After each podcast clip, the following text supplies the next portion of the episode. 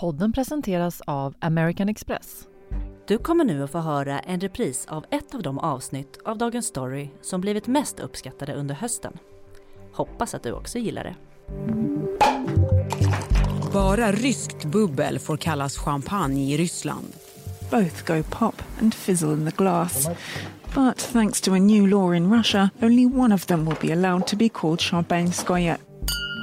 Och Kroatien retar gallfeber på Italiens prosecco-tillverkare genom att kalla sitt eget dessertvin för prosecco. Italy's sparkling Prosecco is known all over the world, but Croatia also has a still red wine called Prosec. På en kvart får du veta hur vinetiketter kan starta verkliga konflikter där avtal för miljarder står på spel och varför bråket egentligen handlar om något mycket större än dyrbara bubblor.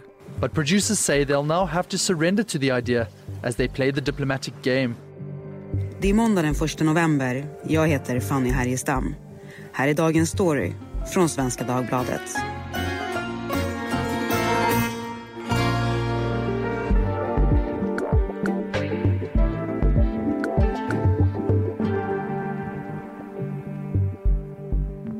Teresa Küchler, SVDs EU-korrespondent. Teresa, har du druckit rysk champagne som jag har hört heter Sovjetski champanskoje? Ursäkta mitt uttal. Eh, nej, det har jag inte. Och eh, som gammal eh, James Bond-fan så dricker jag ju bara Dom Perignon om jag ska dricka champagne och inget annat duger. Nej, jag, det finns ju ingen rysk champagne skulle jag svara på det som EU-korre, såklart. Men du, vi ska prata om champagne och andra bubblor här idag. Eh, bland annat eh, det här som nu händer mellan Ryssland och Frankrike. Det handlar alltså om ett bråk om vad som ska få kallas riktig champagne i Ryssland. Eh, mm. berätta.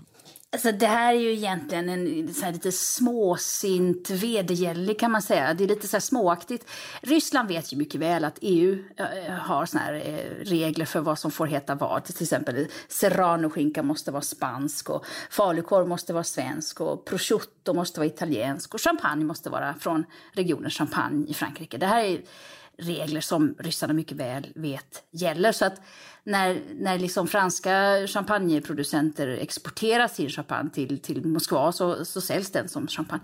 Vad ryssarna har gjort nu som vedergällning för något helt annat, de bråkar om eh, andra saker, om Belarus, om eh, Kina, om Syrien, de bråkar om allt möjligt hela tiden. Det är att man har bestämt att vända på det här och säga att nu får champagne från Frankrike inte säljas som champagne, utan det får bara vår egen liksom bubbel, vad det, skumpa göra. Och det här är ju bara för att reta fransmännen såklart. Det finns ingen, det finns ingen satsning på champagne vad jag vet i, i, i Ryssland. Men hur har mm. Frankrike reagerat på det här, Teresa? Ja, men de har raggat jättestarkt såklart. Champagne är en enorm exportvara för Frankrike och det är en lyxvara. Och Moskva tror jag är en av de mest miljonärstäta städerna i världen. Det är klart att det finns en supermarknad för eh, liksom lyxprodukter som champagne. När eh, ryska kändisar går ut på nattklubb och ska filmas och synas så sitter de ju inte och dricker, vad vet jag, sibirisk skumpa liksom. De, de beställer ju in champagne som vilka Kim Kardashians som helst liksom. Och eh, en sån jättemarknad, en stad som Moskva med 20 miljoner invånare, det är ju en avsättningsmarknad för champagne. Så det är pengatapp, allt det här handlar ju om pengar. Och visst, Moskva hyser flera av världens rikaste individer och lyxkonsumtionen där har skjutit i höjden. Men konflikten mellan Frankrike och Ryssland bottnar i något helt annat än dyra bubblor. The EU has imposed sanctions on Russia following its actions in Ukraine. In a riposte to the European Union extending sanctions against Russia, President Vladimir Putin has extended his own until the end of the year. Ända sedan Ryssland annekterade den ukrainska Krimhalvön 2014 har EU infört olika straff och embargon på flera ryska produkter. Ryssland har svarat med importförbud för jordbruksprodukter från EU, dock inte för alkohol. Men att Ryssland nu drar sitt S ur rockärmen är inte särskilt oväntat. Länderna är luven på varann på flera geopolitiskt viktiga områden. De stöder bland annat olika sidor i både Syrienkriget och konflikten i Libyen. Det här champagnebråket då mellan Ryssland och Frankrike det pågår parallellt med en helt annan eh, bubbelkonflikt. Mm. Alltså konflikt om bubbel, men inom EU. Alltså. Det finns en, en fnurra mellan Kroatien och Italien också eh, om ett bubbel som många i Sverige känner till, prosecco. Alltså mm. Vad mer exakt handlar det om? Ja, det här prosecco-kriget då, som, som, som vi kallar det lite på skoj, det, det, låter ju som att det skulle vara någon slags möhippa som har spårat ur någonstans i Italien. Men, men det är det ju inte. Det är en handelstvist då mellan en kroatisk, eh, kroatiska tillverkare av ett dessertvin som heter Pro, Prosek, kanske det uttalas. Det är sånt där slaviskt C med en liten cedrilje under. Och Prosecco då, som är Italiens mest kända eh, skumpa. Och det finns regler för vad som får heta prosecco. De har funnits i EU 100 år. Men Kroatien gick inte med i EU förrän jag, jag tror det var 2010 eller 2011. Så att då kommer det ett helt nytt land in och ska börja följa EUs gemensamma marknadsregler. Och så säger kroaterna så här, men vänta lite nu, men vi, vi har ju ett gammalt vin vi också som, som faktiskt heter Prosecco. Eh, det är inte alls att vi försöker snylta på ett italienskt namn. Det, det heter Prosecco, det har alltid hetat. Um, Ska inte vi få sälja det då? Och där, och där är konflikten, för då säger förstås italienarna som har EU-reglerna på sin sida faktiskt att nej, men det är för likt vår namn, vi har skyddade namn här. Det som är intressant är att det här kroatiska dessertvinet och det italienska skum, den italienska skumpan jag tror att EU-kommissionen har faktiskt bestämt sig för att eh, kolla, se över möjligheterna för kroaterna att få sitt eh, projektnamn. Och det innebär att min, jag tippar att då kommer Italien dra det här till EU-domstolen. Kommer det till EU-domstolen så ska EU-domstolen då bedöma om det kroatiska ordet prosek är för nära det italienska ordet prosecco. Eh, och då blir det ju liksom någon slags språkrättegång. Det är sånt där som gamla språknördar som jag skulle älska att få lyssna på i domstolen i, i Luxemburg. Jag tror inte att Kroatien kan, vinna, Kroatien kan vinna den här. Jag tror prosecco är för skyddat. Vad är egentligen problemet här? Alltså, varför är det så viktigt att vara ensamt om ett namn? Men det är just för att vi, vi köper märken som, och varor som vi känner till. När, när, när du ska fira nyår hemma och, och, och, du får i uppdrag för familjen att sticka iväg till systemet och köpa något, något gott bubbel till tolvslaget, då går ju inte du på hyllorna och, och letar efter liksom bubbel från Borlänge eller skumpa från Södertälje. Nej, du går ju på champagnen och om du vill kanske spendera lite mindre pengar just i år så kanske du säger så här, men jag går på proseccon eller kavan från Spanien. Eh, det finns några inarbetade och det är ju återigen det är pengar. Man tjänar pengar på det här namnet. Men tänk, tänk dig då att jag från min lilla eh, balkong här i Bryssel börjar tillverka prosecco och, och konkurrerar. Då, då, då tar jag kunder då potentiellt från de italienska tillverkarna. Och de här två konflikterna som vi kollar på nu om bubblet, alltså vad är det för skillnad på dem? Men det, första är, det första är Ryssland, Europa. Det är stora, stora krafter och det där kommer ju på något, på något sätt så kommer det där säkert fissla ut när man har kommit överens om andra saker. Det som är inom EU är väl kanske det som är lite mer synd då, för att där, interna konflikter är alltid tråkiga och det här finns säkert massor med kroater som sitter där med armarna i kors och suckar och säger att min farfars farfars far brukade göra sin egen projekt eh, hemma på gården. Det är, det är vår tradition och nu kommer italienarna och säger att det är vår... Så det blir liksom någon slags kulturgräl som alltid är, är trista. Eh, när vi pratade om det här igår, Therese, så nämnde du att det här är något av som EUs mest heliga handelslagar. Alltså varför just regler runt mat och vin så heliga? För det första så är det en enorm export. Europa är den kanske största exportören av eh, eh, liksom vissa segment ur matproduktionen. Vi säljer inte bara som sagt eh, mousserande vin utan europeiska länder säljer liksom specialsegment, kända europeiska vin som tar en viss, ett visst pris. Eh, kända gamla matprodukter och sådär. Jordbruket är en jättestor del av väljarkåren eh, i flera länder. Det finns få regeringar i Europa idag som klarar av att ha, vara i öppet gräl med hela sitt jordbruks, eh, alla sina jordbrukare utan att det påverkar opinion och så där. Det är klart att det är mycket mer känslosamt i människors ögon att sälja eh, champagne och så intervjuar de den där bonden som går på sina åkrar och vrider på sina flaskor och klappar på sina druvor än att sälja en tvättmaskin. Liksom. Det, det, det, är verkligen en enorm känslosam export. Och sen är det pengar såklart. Det, det är pengar. När vi när EU åker och ska förhandla med USA till exempel. För några år sedan så var man ju på gång och skulle förhandla om ett enormt frihandelsavtal. Då skulle man ta bort en massa regler, man skulle ta bort tullar, kostnader för export och import. Och då måste man synka sig så man har samma regler för, för bägge parter. Och då var det jordbruket som ställde till med problem för att amerikanerna sa att nej, men vi vill fortsätta att producera ja, det som vi kallar för champagne i New Jersey. I USA kan du köpa amerikansk brieost. I USA kan du köpa amerikansk prosciutto. Du kan köpa alla de där produkterna som europeiska bönder vill skydda. Och det var ju där de rök ihop. Det är sällan de ryker ihop över eh, liksom stora handelsprinciper eller liksom sånt där eh, tjafs, utan det är nästan alltid mjölken, köttet, vinet som, som de ryker ihop med. Nästa land att förhandla med är Kina, 1,4 miljarder människor varav kanske 600-700 miljoner redan tillhör det som man kallar för medelklass. Där finns det mycket prosciutto att sälja och prosecco och champagne. Och Kinas enorma och växande medelklass är en marknad som EUs företag är ivriga att nå. Något frihandelsavtal finns däremot inte trots att EU och Kina förhandlat i många år.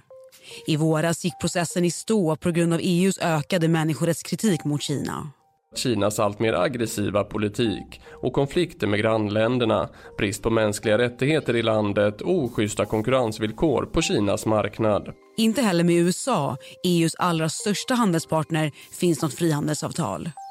När Donald Trump kom in i leken och satte America first så lades förhandlingarna på is. It's going to be only America first. America Men i och med maktskiftet i USA har EU nu börjat hoppas på ett avtal igen. It could end up being a tipping point causing more substantive negotiations between China and the US or for China and the West to actually take place now. Hur kommer det här fram då, då i, i förhandlingarna med de här två jättarna? Alltså mellan EU, USA, EU och Kina. Hur visar sig den här heligheten i maten? Men det är för att det, det är där det står, står, står still. Alltså, man kommer alltid till en viss punkt i alla handelsförhandlingar. Eh, eh första kapitlet kanske är hur ska eh, transporter gå till? Eller hur ska pappersarbetet se ut? Det där är liksom kapitel som man kan gå igenom ganska fort tror jag. Eh, det finns standardiserat och så. Och så kommer man till det här kapitlet, jordbruket, pang, och sen står det still. Och sen kan det stå still i flera år. Det är det som gör till exempel att ett avtal som man har försökt få ihop i 15-20 år kanske mellan EU och Sydamerika eh, inte rör sig. Det har med köttet att göra. De här enorma köttproducenterna i Brasilien och Argentina, det vill inte europeiska bönder konkurrera med här i Europa. Så att det, det, det är alltid jordbruket det, det, det faller på.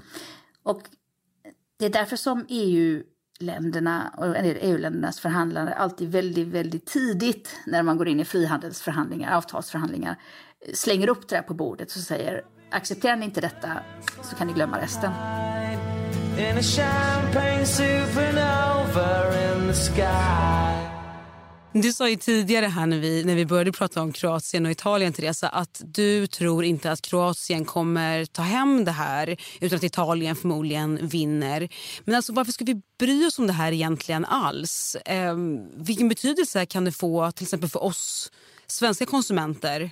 Det handlar om när vi också vill producera, eh, exportera våra egna produkter. När när man började prata om ett stort handelsavtal med Kina då pratade man om det största handelsavtalet som någonsin har ägt rum. Och då pratade vi om, i Kina finns det väldigt många fattiga människor och väldigt många extremt rika människor. Men framförallt så finns det 600-700 miljoner människor som räknas som medelklass. De kan vilja köpa svenska eh, matprodukter, mjölkprodukter inte minst. Kina har haft väldigt mycket såna här förgiftningsskandaler med egna mejeriprodukter och är väldigt sugna på att köpa just mejeriprodukter från antingen Europa eller Australien eller, eller andra länder. Så att där skulle till exempel svenska bönder kunna eh, titta på att få exportera. Eller vad vet jag, hormonfritt kött eller antibiotikafritt kött, sånt där som Europa gärna stoltserar med. Och om man då tidigt när man förhandlar med kineserna eh, försöker komma överens med dem om att men lova då att ni inte säljer champagne från New Jersey eller skumpa från, eh, champagne från Australien, lova det. Då har man ju låst in kineserna i ett hörn där. För att när de sen ska göra samma avtal med Australien eller USA, då har de redan lovat Europa att det på kinesiska hyllor inte kommer att få stå champagne från New Jersey eller Australien. Så det är jätteviktigt och det är pengar, pengar, pengar, pengar, pengar. Men Teresa, vad kommer kroaterna då få kalla sitt dessertvin i slutändan då, tror du? De kommer säkert att säga till kroaterna att de får kalla sig för projekt, eh, projekt dessertvin eller dessertprojekt eller någonting. Jag, jag, tror att de får någon slags lite småmjähig eh, kompromiss. Eh, men de, de petar inte på de reglerna. Öppnar man den där Pandoras ask liksom och börjar peta på de där produkterna som redan har sån superikonstämpel så kommer inget land att vilja gå med på det. Då kommer de bråka utav helskotta till. Tack Teresa Küchler för att du var med i Dagens Story. Hej, hej, tack. Drömmer du om att resa bort? Med SAS Amex Classic får du just nu ett presentkort på 2 000 kronor till din nästa resa med SAS. Kortet är helt utan medlemsavgift. För att ta del av 2 000 kronor i presentkort behöver satta villkor uppfyllas. SAS Amex Classic har upp till 55 dagars räntefri kredit. Effektiva räntan är 18,10% vid utnyttjad kredit om 95 000 kronor per år. Den totala kostnaden är 110 021 kronor. Vi som gjorde programmet idag är producent Gabriella Lahti, redaktör Teresa Stenler von Matern och jag heter Fanny Härgestam.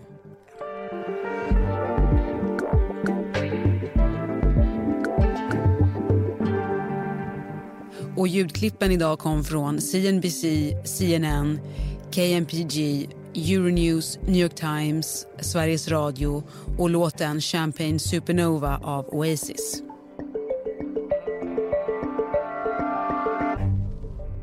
Du har lyssnat på en repris av Dagens Story. Under jul och nyår publicerar vi färre avsnitt än vanligt men den 10 januari är vi tillbaka igen som vanligt. 15 minuter varje vardag.